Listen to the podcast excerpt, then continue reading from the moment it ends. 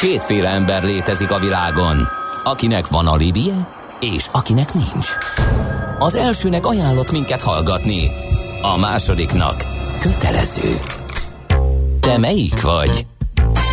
Millás reggeli, a 90.9 Jazzy Rádió gazdasági mapetsója.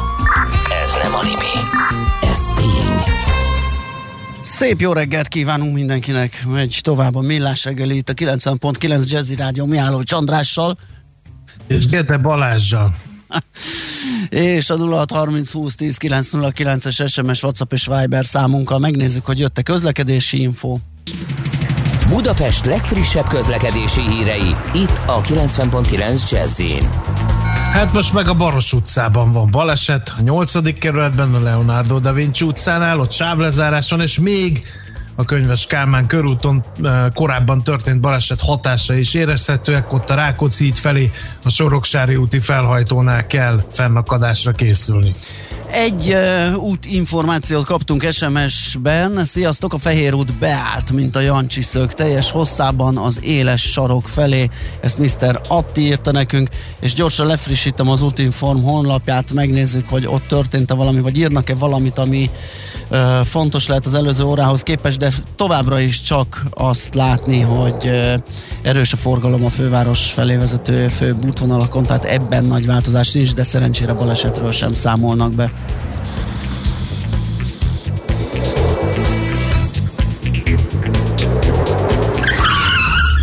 Visszakapcsolunk kettesbe, és adunk egy kövér gázfröccsöt. Autóipari hírek, eladások, új modellek, autós élet, kressz, és ne felejts el indexelni. Folytatódik a futómű, a millás reggeli autós rovata de hogy folytatódik, el se kezdődött. Fél 5-6 elemet töröltem, és mindig így bent maradt egy valaki, nagyon csúnyán tréfálkozik, és rosszul pakolja itt nekem az, az adás lebonyolító rendszerbe az elemeket, de majd rendet teszünk. A lényeg a lényeg, hogy itt van velünk a telefonvonal túlsó végén Dózi István, a Világbank egykori vezető közgazdásza. Jó reggelt kívánunk! Szervusztok, üdvözlök mindenkit, természetesen a kedves hallgatókat leginkább. Jó reggelt eh, kívánunk mi is. Hát eh, ugye legutóbb a Kapitólium ostroba kapcsán beszéltünk, azt hiszem, hát azóta tulajdonképpen a magyar sajtóba annyi eh, szivárgott be Joe Biden elnökléséről, hogy nagyon összeveszett mindenkivel, nagyon kemény szavakat használt, elesett a repülő lépcsőjén, és elkezdett pénzt szórni. Ezt a képet szeretnénk egy kicsit árnyalni. Leginkább azzal, hogy legutóbb azért arról is lehetett olvasgatni, hogy mintha meglódult volna az infláció Amerikában, ami hát nem tudom, hogy jó gazdaságpolitikai híre, de majd te elmondod. Nézd, abban igazad van, hogy a Biden kormány beindult, ugye már több mint négy hónapja hivatalban van, és hát valóságos költekezési mámorban úszik az USA egyszerűen úszik a pénzben, beleértve a helikopter pénzben is, ugye ami azt jelenti, hogy az amerikai kormány a helikopterről szórná le a pénzt, az ingyen állampénzt nem csak a lakosságra, a bajba jutott lakosságra a, a, válság, a járvány miatt, hanem, hanem a vállalatokra is. Hát ennek aztán, ha ne lenne inflációs hatás, akkor az nagy közgazdasági meglepetés lenne, mert ha belegondolunk abba, hogy az amerikai kongresszus már eddig 6 billió dollárt kitevő mentőcsomagot hagyott jóvá, ami nyolcszorosa a kiesett nemzeti összterméknek, a GDP-nek, tehát a GDP-nek rendkívül nagy a likviditás, a gazdaság elindult a túlfűtöttség állapota felé, és ez már az inflációban is jelentkezik. Hát áprilisban 4, 2,1%-kal emelkedtek a, a fogyasztói árak, ami mindenkit meglepett, és az inflációs várakozások is fokozódnak. Ez a legveszélyesebb, amikor a lakosság és a vállalatok berendezkednek abba, hogy hát ennél csak magasabb lesz az ár, és elkezdenek még jobban Így van, és jön a spirál, és az, az á, igen. árak elkezdenek ugye emelkedni. Hát ilyenkor szokott akkor az amerikai egybank szerepét betöltő Fed elgondolkozni azon, hogy hozzányúlnak a kamatokhoz. Így van, András, de valójában nem ez a helyzet. A jegybank, a, a Federal Reserve Board úgy gondolja, hogy ez egy átmeneti hatás. Az inflációs veszély nem komoly, ezek olyan hatások, amelyeket kezelni lehet, amelyek maguktól megoldódnak annak következtében, hogy a gazdaság kikerül abból a mesterséges kómából, ami miatt a koronavírus járvány miatt került.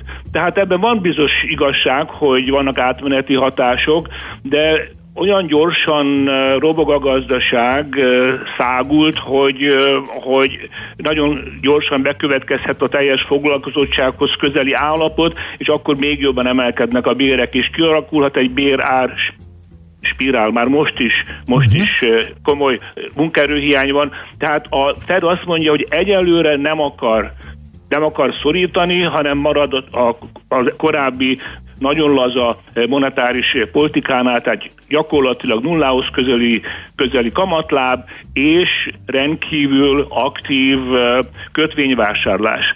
Csak hagyd mondjam ezt el, hogy az Federal Reserve Board havonta 120 milliárd dollár kötvényt vásárol. Állami kötvényt és vállalati kötvényeket, és ez majdnem akkor, mint a magyar nemzeti jövedelem egy évben.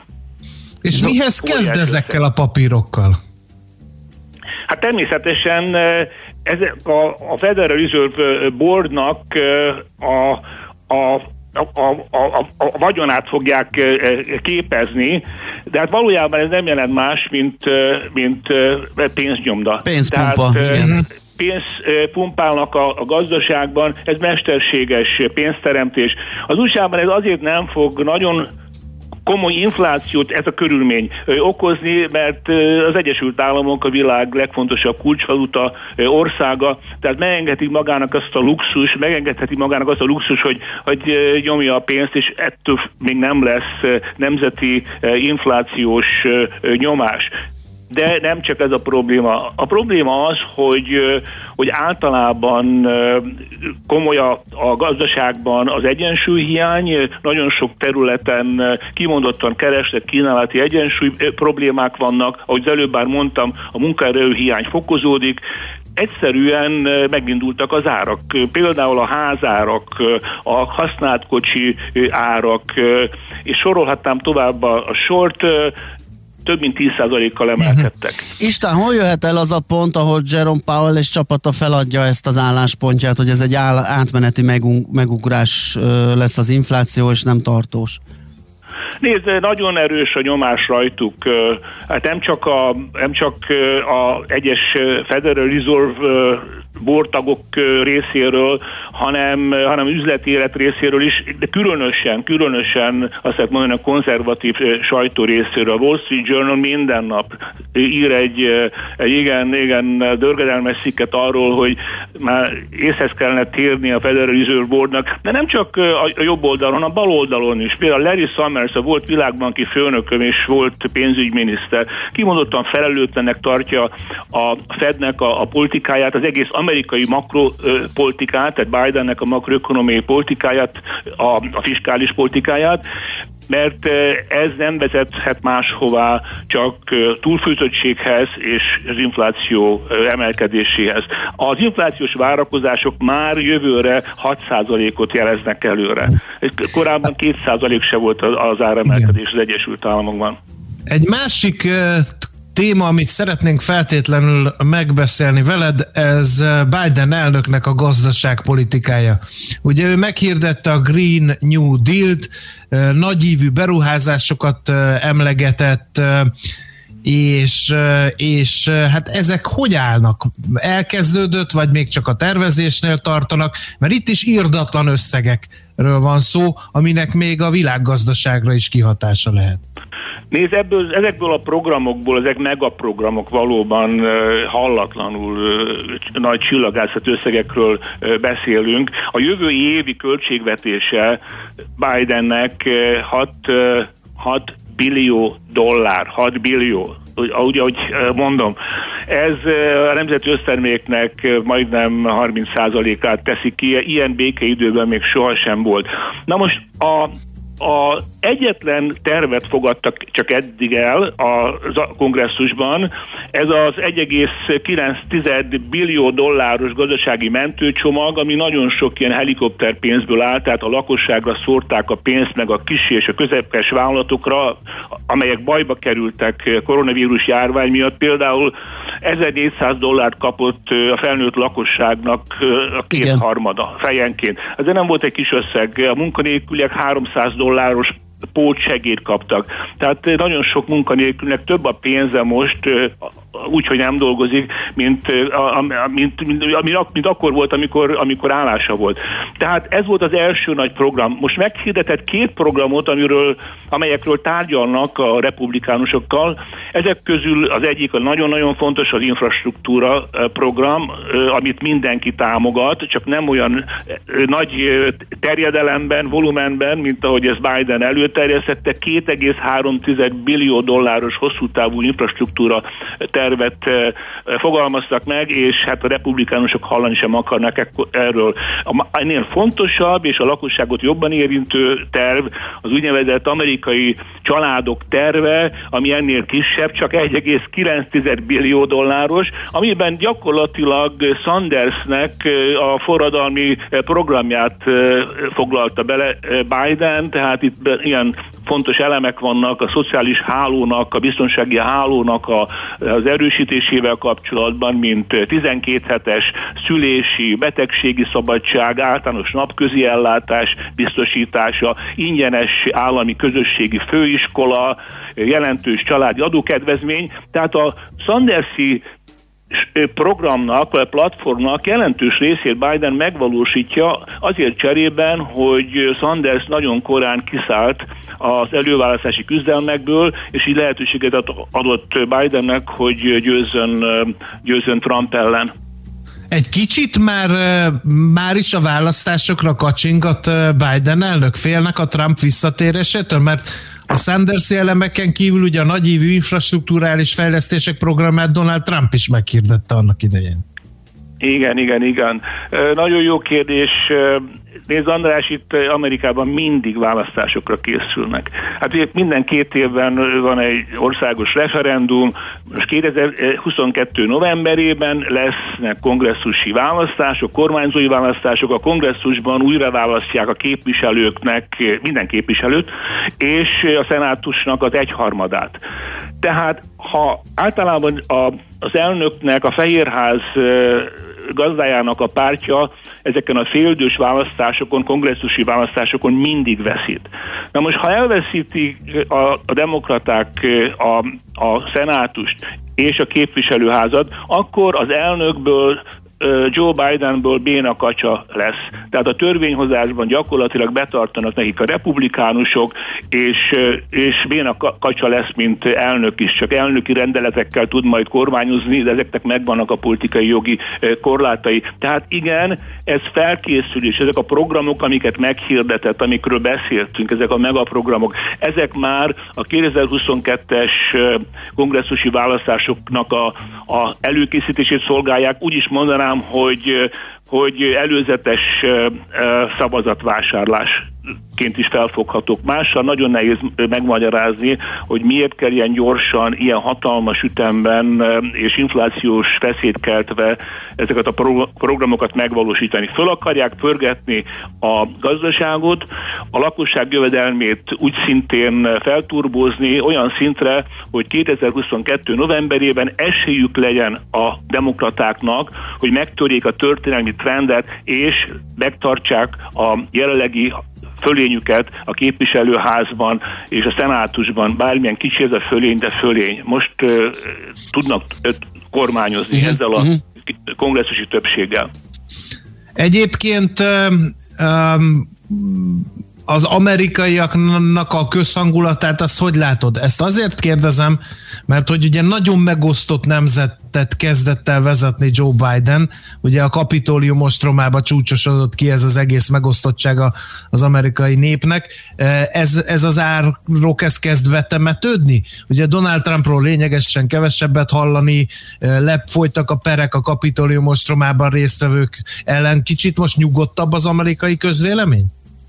Igen, nyugodtabb Részben azért, mert Biden nyugodtabb alkat. Nem foglalkozik Donald Trumpal, ami nagyon ügyes politikai húzás. Tehát gyakorlatilag Trump akkor téma, hogyha a republikánusok fölhozzák. Tehát ez egy nagyon-nagyon fontos lépés volt. A másik pedig az, hogy a közvéleménynek nagyon tetszik, ahogy Biden kezelte a koronavírus járványt. Ez a megoldódás felé halad, tehát a nehezén túl van már Amerika, óriási áldozatokat hozott az ország, mert nagyon rosszul kezelték a koronavírus járványt, különösen Trump alatt félrekezelték. Nagyon elégedett a lakosság, még a republikánusok is azzal, hogy Biden ezt a kérdést megoldja. A másik dolog pedig az, hogy hát ki nem szeret ingyen pénzt kapni. Tehát ez a helikopterpénz, amit a lakosságra ledobnak, ingyen pénz, ez, ez mindenkinek jól jön. Még annak is, akinek nincs rá szüksége. Tehát ez is növeli a, a népszerűségét. A harmadik körülmény pedig az, hogy ezek a programok, amikről beszéltünk, az infrastruktúra program nagyon népszerűek. Az amerikai infrastruktúra nagyon lemaradt. 13. helyen van a világ ranglistán, az infrastruktúra fejlettségi ranglistán, miközben Kína tudjuk, hogy mit csinál az infrastruktúrában. Tehát a lakosság is érti azt, hogy érzi azt, hogy erre a célra, az infrastruktúra fejlesztésére áldozni kell. Tehát a, Biden programjának van komoly támogatottsága, nem véletlen az, hogy a tetszési indexe az, az jóval 50% fölött van, nem is hasonlítható össze azzal, amilyen, amilyen, uh-huh. amilyen Trumpé volt ebben az időszakban. Uh-huh. És hogy látod őt, mint vezetőt? Mert ugye voltak szkeptikusok, sőt, ugye Donald Trump kampányában azzal támadták, hogy annyira idős már, néha összeakad a nyelve, elfelejt dolgokat, hogy nem lesz alkalmas vezetője az Egyesült Államoknak, és majd jön Kamala Harris. Igen, na ezek nem váltak be. A, lé, a, a, a dolog lényege az, hogy Biden mindenkit meglepett. Ugye azt gondolták, hogy öreg ember, fáradt ember, nincsenek friss gondolatai, nem kellene a világ legfontosabb, leghatalmasabb országát rábízni. Erre repülős tartott produkált. Ilyen erős programmal négy hónap alatt a, a hivatalba kerülése után csak, csak, csak Roosevelt indult el, annak idején Franklin Roosevelt, aki kivezette Amerikát a nagy gazdasági depresszióból a múlt század 30-es éveiben.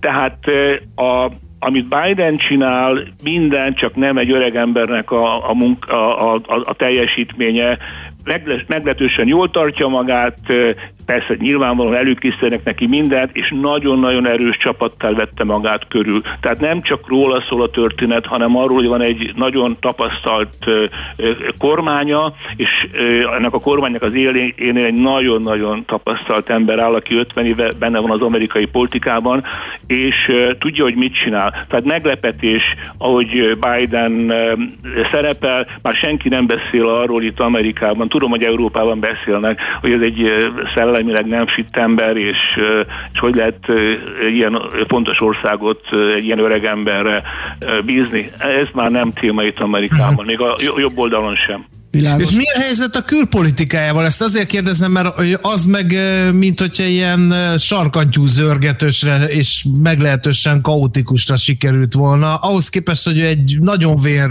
a külpolitikában, úgy tűnt, mint egy ilyen, egy ilyen kis cserkész, aki mindenkivel jól összeveszik, mindenkinek jól odamondogat, aztán utána meg hát leül a tárgyaló asztalhoz, mert belátja, hogy ezzel nem sokra fog menni. Egy, ügyes húzás volt Biden részéről az, hogy a belpolitikára a vírus járvány megoldására összpontosított. Ez egy nagyon-nagyon fontos húzás volt, mert ez foglalkoztatta a lakosságot is leginkább.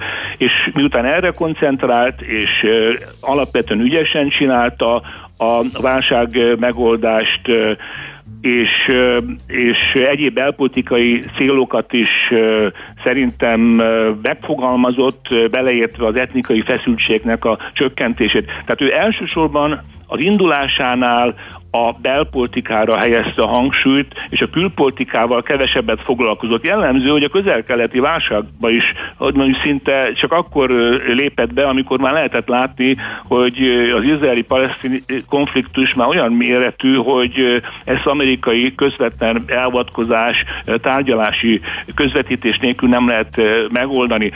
A lényeg az, hogy Bidennek a külpolitikájáról majd beszélhetünk egy külön alkalommal, mert nagyon-nagyon uh-huh. nehéz téma, nagyon ismeri a, a, a külpolitikai terepet, nagyon járatos, hiszen a szenátus külpolitikai bizottságának a vezetője volt többször is. Még nem világos az, hogy mit akar a fő riválosokkal szemben, tehát Kínával, Oroszországgal különösen csinálni. Az biztos, hogy az nem helyes, hogy mind a kettőt támadja. Tehát az nem jó, hogy Kínát és Oroszországot egyszerre szidja és támadja. A két elnökről, tehát Putyinról és Xi elnökről néha azt lehet mondani, hogy nem diplomatikusan beszél, az egyiket gazember embernek nevezi, a másikat meg gyilkosnak. E, így nem lehet ezekkel a vezetőkkel, erős vezetőkkel tárgyalni. Nyilvánvaló, hogy ezen változtatni fog, ugye rövidesen Putyinnal e, találkozik. Az biztos, hogy egy ponton túl valószínűleg az év második felében nagyobb hangsúlyt fog helyezni a külpolitikára, és kialakul a, a külpolitikai stratégia. A nemzetbiztonsági stratégia sem készült el, csak ilyen előzetes, ideiglenes stratégiát hoztak össze, tehát a stábja még dolgozik ezeken, és hát nagyon sok válság van ma a világban, és nyilvánvaló, hogy ezekre egy koncepciót kell kiépíteni, és ez, ez folyamatban van. Világos István, nagyon szépen köszönjük, hogy fennmaradtál miattunk, és beszélgettünk, nagyon sok minden sikerült átbeszélni, úgyhogy jó pihenés neked, aztán jó munkát, szép napot! Én is köszönöm a lehetőséget, Szervusz! Szervusz, köszönjük szépen! Dobozi Istvánnal a Világbank egykori vezető közgazdászával beszélgettünk. Jó sok mindent tudtunk. És azért éríteni. jó vele beszélgetni, mert árnyalja a képet. Tehát abszolút Igen. Nem, nem, nem ezek a dolgok jönnek le a magyar sajtóból sem, meg az európai sajtóból sem, mint amiket ő mond. Hát ugye ő kint él, és hát ugye testközelből látja az Egyesült Államok beli történéseket, és ugye gazdasághoz is jól ért, tehát átlátja ezt a részt is, úgyhogy szeretünk vele beszélgetni, és fogunk is még szerintem Czoller Andi hírei jönnek, azután folytatjuk a millás reggelit itt a 90.9 Jazzim. Aranyköpés a millás reggeliben. Mindenre van egy idézetünk. Ez megspórolja az eredeti gondolatokat. De nem mind arany, ami fényli. Lehet kedvező körülmények közt gyémánt is. Hát Tony Curtis az egyik uh, születésnaposunk, akire megemlékeztünk. Magyar származású amerikai színészről van szó, 1925-ben született, és azt mondta egy alkalommal, egy titka van az életnek, egy módon lehet túlélni, soha nem szabad hagyni, hogy feldühítsenek. Nem érgelődj semmin, soha. Hát, ha ezt előbb Kösz, Tony. Ha ezt előbb tudom, igen, mindegy, jobb későn, mint soha. Aranyköpés hangzott el a millás reggeliben. Ne feledd, tanulni ezüst, megjegyezni arany. A műszer neked egy fal, a sebesség egy váltó, a garázs egy szentély. Zavar, ha valaki elbetűvel mondja a rükvercet. Mindent akarsz tudni az autók világából? Akkor neked való a millás reggeli autós rovata. Futómű Autóipari hírek, eladások, új modellek, autós élet. Kressz. Na és hát a minden igaz, akkor itt van velünk Várkonyi Gábor autószakértőnk. Szia, jó reggelt! Jó reggelt, sziasztok! És a Tony hidrog... Curtis mondását ő is fogadja fel meg, hogy ne dühítse fel magát soha semmin, mert nehéz beszélgetés jön a hidrogénhajtású autókról. Nem csak azért, mert két eh, az autózás iránt, eh, hogy is mondjam, csak használati tárgyként elkötelezett sofőr ül a stúdióban, hát nem már, azért is, mert már, hidrogén... bocsánat, én azért nagyon sokat kellett, hogy bütyköljem az első autóimat, azok azért, azért nem, megküldted a nem tipot, voltak olyan... a Budakeszi út, nem a Budakeszi úton, hanem a Bakcsomópont. Nem mi? voltak azok olyan... hang volt, mi? Akkor elnézést, egy és fél úrvezető ül itt a vonal túlsó végén, meg hát a hidrogénhajtás az egy ilyen Hát nem is tudom, ekézi azt mindenki. Te meg viszont kipróbáltál két hidrogénhajtású modellt, úgyhogy nagyon kíváncsian várjuk, hogy milyen benyomásaid voltak. Hát ez egy, ez egy nagyon érdekes kérdés, mert uh, élénken emlékszem arra, amikor uh, a dátumra pontosan nem, de arra, hogy amikor először lehetett valamilyen elektromos autót kipróbálni Magyarországon, és az ugye, fú, az, az nagyon-nagyon régen volt, és úgy néztünk rá tényleg, mint, mint valamilyen mint valami ufóra. Tehát, hogy, hogy az egy ilyen izgalom volt az ember gyomrába, hogy akkor nem tudom, egy, egy teljesen új technológiát kipróbálhat, mennyire lesz az olyan, mint az eddigi, mennyire fogja megváltoztatni az autózás tájképét, és hát ugye azt lehet mondani, hogy az elektromos autózás, a, erről sokat beszélünk, gyakorlatilag megérkezett a mainstreambe, tehát ö, semmi, semmi különleges nincs ma már abban, amikor az emberrel szembe jön egy elektromos autó, sőt, gyakorlatilag az emberek fejében nagyrészt azt a gondolatot ültették el, hogy ez lesz a jövő és kész. És akkor itt van ez a hidrogén, meg tüzelőanyagcella tematika, ami hát legalább olyan olyan megosztó, mint az elektromos autózás. Azért e, fogalmazok kicsit nehézkesen, mert ugye az, az elektromos autó elvi alapjai, meg az elektromos autózás, mint olyan, azért az gyakorlatilag azt lehet mondani, hogy régebb óta létezik, mint a belső égési motor, de legalábbis ugyanolyan régóta.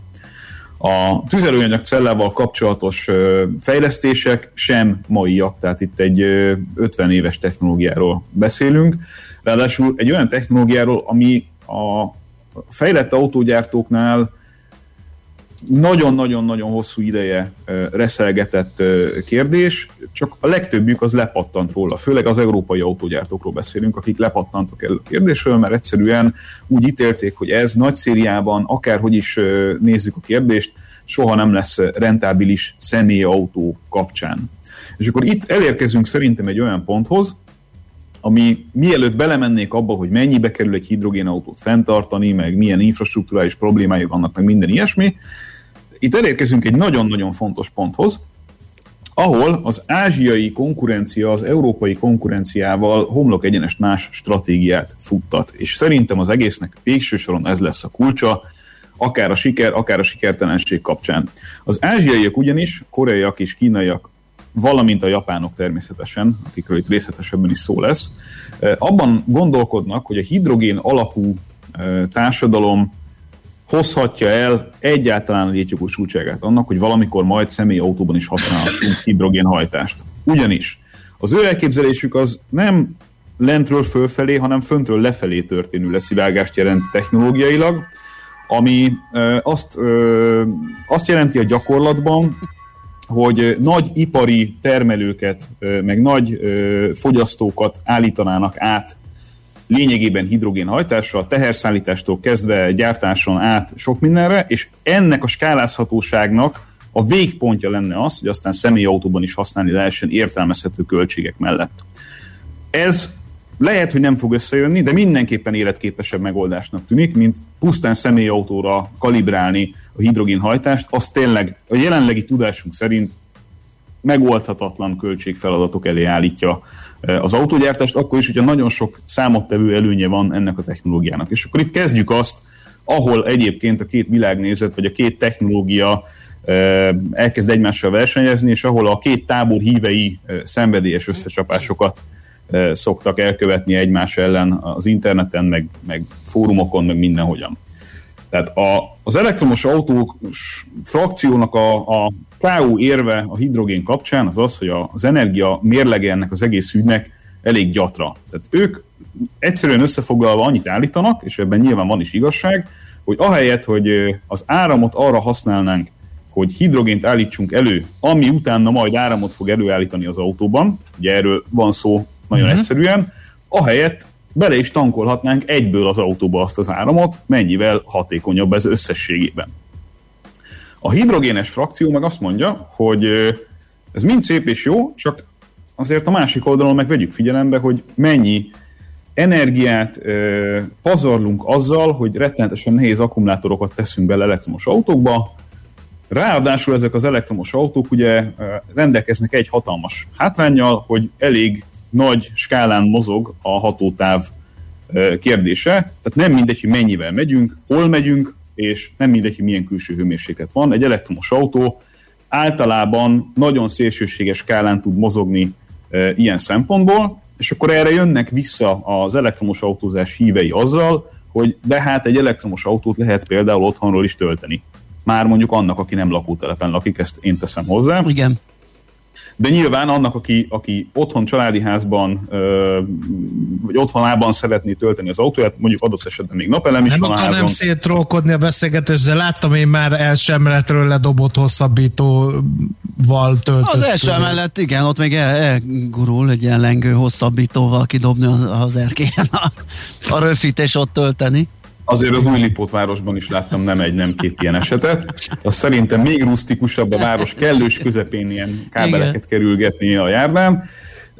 De ugye ezt az érvet értelemszerűen meg lehet adni, hogy, hogy egy elektromos autóval tulajdonképpen bárhol lehet tankolni, igaz, hogy rengeteg idő szükséges ahhoz, hogy a bárhol részét azt ténylegesen tudja a képletből az elektromos autó.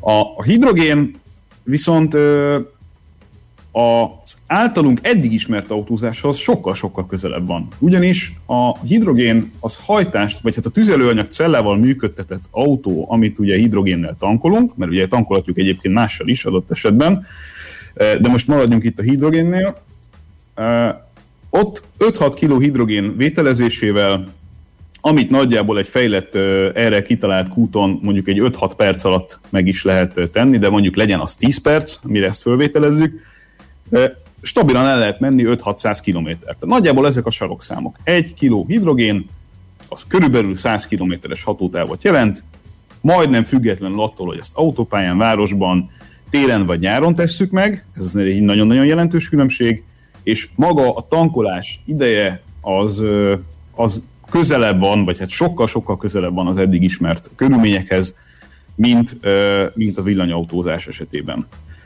A, az infrastruktúra az nyilvánvalóan egy hatalmas probléma. Ugye egy darab hidrogénkút lett üzembe helyezve a héten Magyarországon, ami egy ilyen félig meddig nyilvános kút, ezt a Linde, ezt a Linde az illatos úton helyezte üzembe, és ennek kapcsán volt egy sajtótájékoztató, ahol a Toyotának a Mirai, vagy Mirai már, vagy típusú autóját lehetett nagyon rövid ideig próbálni. Ez, ez a hálózat másod... hányadik eleme, ez a hidrogéntöltő kút? Tehát, hogy hogy, hogy jutunk el odáig, hogy abban hidrogén legyen, az a kérdés? Nem, hogy ez a hányadik töltőkút. Ja, hogy itthon, az itthon, első. Itthon. Ja, hogy az első. Az első. Nincs az első.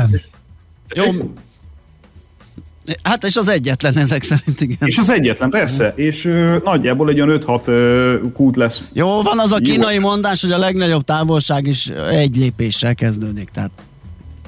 Ezzel nem tudok vitatkozni. Ez a napmondása szerintem. Uh, De nem tehát... robbanás veszélyes ez a technológia, mert ugye ez még benne van a közvéleményben, és én vagyok a szerkesztés előtt, amikor beszéltünk, Gáborral készülve az adásra, akkor én mondtam, hogy fel fogom tenni ezt a kérdést, és lám. Igen, 700 báron kell ugye a, a hidrogént tárolni, és, és ugye hasonló nyomásokon is kell tankolni ahhoz, hogy az egész gyorsan működjön. És akkor mondok még ilyen érdekes dolgokat, hogy ugye 5-6 kg hidrogénhez a, a tartály mérete az ilyen 120 liter környékű ö, tartályról beszélünk itt. Aha. Ezek ilyen több mint 10 centi vastag tartályfalakkal rendelkező ö, tartályok, és tele vannak olyan tehát szénszálas cuccokkal, meg mindenféle, meg üvegszál, meg mindenféle bonyolult és, és nehezen kezelhető anyaggal, ahhoz, hogy ugye a hidrogén szökés az megakadályozható legyen. Tehát a, az elején ennek a technológiának a legtöbb problémát, vagy a mindenféleképpen egy nagyon nagy probléma halmat jelentett az, hogy mondjuk megtankolsz egy ilyen autót, ott hagyod három hétre, és elszökik ugye a hidrogénnek a nagy része az autóból. Ezt én ezt, ezt megkérdeztem a sajtótájékoztatón, és a Toyota szakemberei azt mondták, hogy ez a probléma az újabb generációs autóknál nem áll fönn. A, picit a, a Toyota modelljéről annyit mindenképpen elmondanék, hogy, hogy már kapható konkrét összegér. És ez azért lényeges, mert eddig az első generációs ilyen autókat nem lehetett megvásárolni, hanem csak leasingelni lehetett. Most bemehetsz a boltba, és az alapverziót megveheted 26 millió forintért, uh. a teljes extrás verziót meg megveheted 30 millió forintért. Aha, és akkor megvan a baj. Lehet, várja, hogy ez jobb technológia, mint az elektromos autó, de drágább. helyezzük ezt kontextusba, itt egy Lexus LS méretű és annak a technikáját, vagy annak a technikájára többek között alapuló autóról beszélünk, tehát egy nagy autóról beszélünk, egy, egy elég elég luxus körülmények között, vagy egy luxus körülmények között üldögélünk ott a, a, hidrogén autónkban, tehát azért ez nem egy, nem egy ilyen kompromisszum halmaz, ez egy jól működő, szép nagy szedán autó, tehát autóként semmit nem veszel abból észre, hogy egyébként itt nem benzinnel, vagy nem villannyal, vagy nem dízellel, vagy valami mással közlekedünk. Vezetni, benne ülni, használni, körülbelül pont ugyanolyan élmény, mint egy, mint egy eddigi autót. Na és akkor itt jön egy olyan pont, amit, amit érdemes itt a hidrogén kapcsán még megemlíteni, az pedig az, hogy a, a, akik, akik egymás után, vagy egymás mellett próbálgathatták ki ezt a technológiát, tehát voltak ilyen pilot projektek, meg, meg felmérések, hogy felhasználóknak adtak ilyen, meg olyan technológiával, elektromos akkumulátoros autót, meg hidrogénes autót, az derült azért elég világosan ki ezekből a felmérésekből, hogy azok, akiknél az infrastruktúra kérdés megoldva volt, tehát volt a környéken hidrogénkút, nyilván így volt felépítve az egész történet, azok azért nagyon döntő többségében, tehát szerintem 10-ből 80 vagy 90 a hidrogén mellett tették le voksukat, mert egyszerűen napi szinten ugyanazt a kényelmet és élményt nyújtja, amit egy, amit egy eddigi technológia mellett megszokhattunk és megszerethettünk. És hogy éradják a hidrogén literjét? Egy liter hidrogén, vagy pontosabban egy kiló hidrogén, mert ugye kilóban mérjük, az 10 euró jelenleg. Ez azt mhm. jelenti, hogy ugye olyan 50 kötőjel 60 euróért mész 500 kötőjel 600 kilométert, amit hogyha visszafordítunk mondjuk benzinre, az egy olyan 7-8 literes átlagot jelent. Ugyanakkor itt tegyük hozzá azt, hogy az autó üzemeltetése kapcsán semmi más nem jön ki a kipufogóból, mint vízpára. Uh-huh. Tehát nulla káros anyag jön ki ebből az autóból. És akkor itt jönnek a további kérdések, meg az adok-kapok megoldások villanyos és hidrogénes frakció kapcsán, amikről szerintem egy komplett adást meg lehetne tölteni, de egy dolgot mindenféleképpen érdemes szerintem figyelembe venni, az pedig az, hogy se az egyik, se a másik kapcsán nem szeretem azt a megközelítést, ami arról szól, hogy, hogy kiszorítja, véglegesíti, és egyetlen egy megoldásba sűríti azt, ami történni fog. Az szerintem így végigolvasva, utána járva, kipróbálva, elgondolva, teljesen jól látszik, hogy hosszú távú közlekedés mellett egy hidrogénnel hajtott autó tényleg ugyanazt tudja, amit eddig megszoktunk, és ez egy eléggé jelentős érv mellette. A, egy nappal később sikerült egyébként kipróbálni a, a dél-koreai megoldást is, ott egy Hyundai Nexo-ról beszéltünk, ráadásul egy olyanról, ami a, a német Hyundai-nak a tulajdona volt, és az autó óraállása 80 ezer kilométert mutatott, tehát azért azt nem lehetne mondani, hogy egy egy friss vadonatúj 0 kilométeres autót, hanem egy napi használatból származó, teljesen hétköznapi autót sikerült egy Hyundai-nak a lábára állítani, úgy, hogy az egy ilyen divatosabb SUV jellegű karosszériában volt, és ott már azt sikerült elérniük, és ez nem egy tegnapi autó, azért ezt hozzáteszem, hogy ez már kapható egy pár éve, tehát a koreaiak ott tartanak a packagingbe, tehát amit az autó tud, pontosan ugyanazt kapod, amit eddig megszoktál. Tehát nem, nem zavarnak a tartályok, nem kisebb a csomagtartó, nem más az utastérmérete, ugyanazt tudja. Uh-huh. Óhatatlanul felmerül a kérdés, a hidrogén autóknál hallgató is feltette, hogy mi van ütközésnél, balesetnél. Ugyanaz, ami mondjuk egy gázos autónál is. Tehát, hogy itt ezek úgy le vannak védve, hogy én, nekem ez a kérdés igazából őszintén nem merül föl, mint akadályozó tényező az elterjedésük kapcsán. A, nyilvánvalóan itt is egy csomó olyan dolog tolja föl az árakat, ami mondjuk ritka és drága nyersanyagokkal kapcsolatos. Tehát ugye platina például az nagyon kell a, a tüzelőanyagcella létrehozásához. Ugye lényegében egy ilyen ez az egyik fontos összetevője annak, ahogyan, ahogyan a hidrogént megbontva áramot termelünk. Tehát amit ugye értenie kell, aki még nem találkozott ezzel az egésszel, ez tulajdonképpen ugyanúgy egy villanyos autó, annyi különbséggel, hogy itt nem akkumulátorban tárolunk villamos energiát, hanem hidrogént viszünk magunkkal magas nyomáson, azt bontja egy szerkezet, amiből áramot csinál, és van az autóban ugyanúgy egy pici akkumulátor, egy elhanyagolható méretű akkumulátor egyébként, ami egy ilyen tároló akkumulátor arra az esetre, amikor folyamatosan, vagy, akar, vagy akár csak egyszer-egyszer, de ugye nagyobb teljesítményt kell ö, ö, mutatnia az autónak. A, a Toyota esetében egyébként itt egy ilyen 174 lóerős autóról beszélünk, és olyan közel két tonnás ö, ö, autóról, tehát valamivel könnyebb autóról összességében, mint egy, mint egy hasonló méretű elektromos autó, de azért nem olyan nagyon sokkal könnyebbről azért is. Nekem ezt... tudod, mi jutott eszembe, hogy használtan, ugye pont egy komoly kockázat az elektromos autóknál az, hogy hát ugye ki tudja, hogy meddig jó az akkumulátor, ha cserélni kell, az egy technológiailag és, és árban is elég komoly mutatvány, tehát beszéltünk és említetted is, hogy az elektromos autók másodpiaca az egy érdekes kérdés. Most ebből a szempontból megint csak előnyösebb egy ilyen hidrogén autó, mert a másodpiaca az élhetőbb és elérhetőbb, mint mondjuk az elektromos autóknak, nem? Hát amennyiben infrastruktúra kérdés meg lesz oldva, és azt nyilván nem tudjuk, hogy mondjuk javítani, meg, meg meg karban tartani, hogy nyilván karban tartani ez sem nagyon kell. Tehát ugye itt ugyanaz a, az előny az, az adott nagyjából, mint ami adott a, a villanyautók esetében is.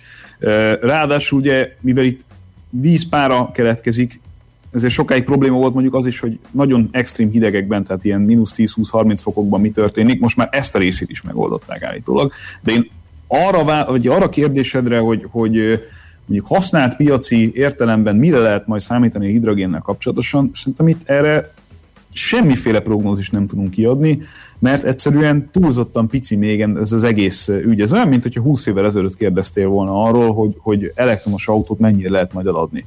Nem, nem tudjuk ezt. Na az, akkor az... tovább, tovább firtassuk a jövőt, a hallgatót az érdekli, a Toyota nagyon tolja ezt a technológiát, szállítmányozás, utazás hidrogénnel, városban elektromos autóval, vagy hogy lesz az elegy?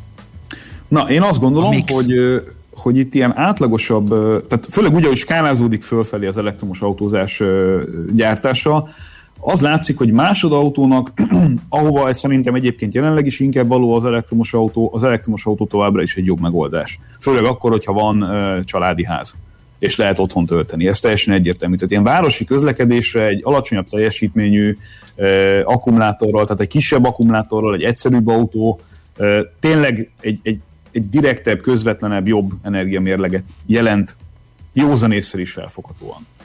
A másik oldalán a, képletnek meg ott áll az akkumulátoros teherautóknak a kérdése, ami szerintem egy totál agyrém, tehát hogy ezt egyszerűen józanésszel felfogni sem nagyon bonyolult, hogy, hogy hogy ez nem fog működni, hogy 4-500 kilométeres hatótávokat nagy nehezen kisajtolunk valamiből, azaz tized akkora autótávot, mint amihez most szoktak mondjuk a, a hosszú távú kamionozást vállalók.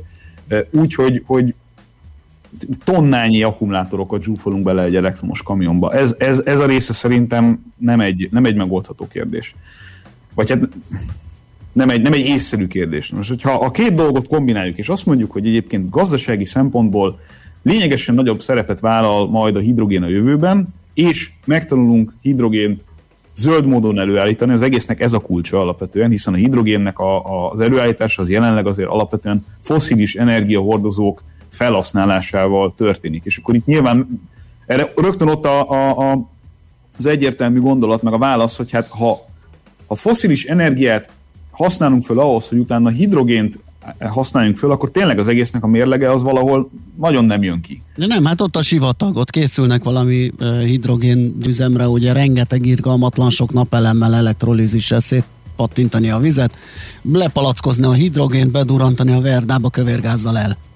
Mondjuk azt, hogy ez az álom. 95%-ban 95%-ban foszilis alapon zajlik Aha. ez a dolog most is, és ha ahogyan fölfelé skálázódik ugyan a, a, a zöld energia kérdése, tehát az is egyre nagyobb ö, dolgokat ö, tud kiasítani magának piaci részesedés szempontjából, úgy lesz egyáltalán értelme arról beszélgetni, uh-huh. hogy akkor ezt hidrogén formájában, ezt, a, ezt az energiát tárolhatóvá tegyük.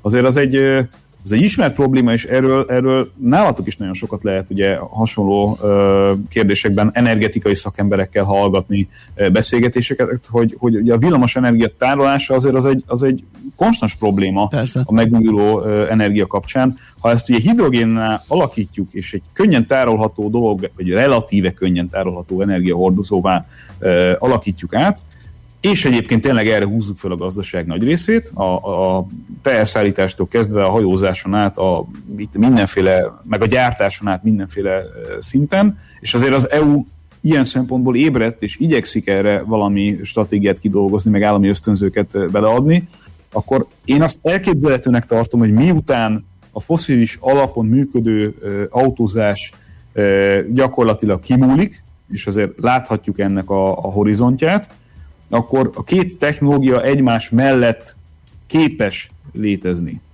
Mert, mert városi közlekedésre ez egy kicsit ágyúval verébre történet, ez, ez, ez látszik. Ugyanakkor az is látszik, hogy nem nagyon nem nagyon jött még el, hiába reszelgetik itt ugyanúgy évtizedek óta az akkumulátoros elektromos autókat, nem nagyon jött még el az a technológia, amivel mondjuk ezeket a 6-800 kilométereket kényelmesen, gyorsan, számottevő tervezés nélkül meg lehetne oldani. Hát akkor meg, jó van, megvan a megoldás, veszek egy rohadt nagy két kocsi beállós házat, veszek egy elektromos autót rövid távra és egy hidrogénautót hosszú távra, mm, számításaim szerint 150 millióból kijövök. Na várjál, most pont az utolsó... Már a családi házzal van. együtt? igen, igen, igen. Mm. Bocsánat, még egy dolgot hozzá akartam tenni, másfél millió euró egy kút. Ó, az is jó, jól hangzik. Na jó, hát ezt folytatjuk szerintem, mert láthatóan nagyon az elején vagyunk, úgyhogy majd, majd ahogy ez halad. Az, az fontos a... volt, az, az fontos volt, hogy mind a két autómat kipróbáltam, a Hyundai és a Toyota egy-egy modellje is tökéletesen jó élményt nyújtott. Aha. És ez, ez szerintem nagyon, nagyon izgalmas része volt. Tehát a ez, ez a része, ez, ez oké, okay, pipa működő, létező autók, amelyek, amelyek lényegében egy, egy top elektromos modellnek az áráért megkaphatóak most is. Oké, okay, Gábor, nagyon köszönjük, hogy beszélgettünk erről, és szerintem még fogunk is. Jó munkát, szép napot neked! Köszönjük! Sziasztok, szia, napot. szia! Márkonyi Gábor autós szakértőnkkel váltottunk jó pár szót a hidrogénhajtású autózásról. Most lefarkolunk, de jövő héten megint indexelünk és kanyarodunk, előzünk és tolatunk a Millás reggeli autós rovatában. Futómű a világ négy keréken. Ó, és robogunk tovább Czoller Andi friss híreivel, hogy aztán visszajöjjünk, folytassuk a millás reggelit, mégpedig IT rovatunkkal, uh, ahol hát az, az IT és egy uh, vállalati elemzés, egy tőzsdei vállalat elemzése egybe gyúrva fog megjelenni. Nagy Andrásra fogunk majd beszélgetni az Erste befektetési ZRT részvényelemzőjével a Glosterről. Műsorunkban termék megjelenítést hallhattak.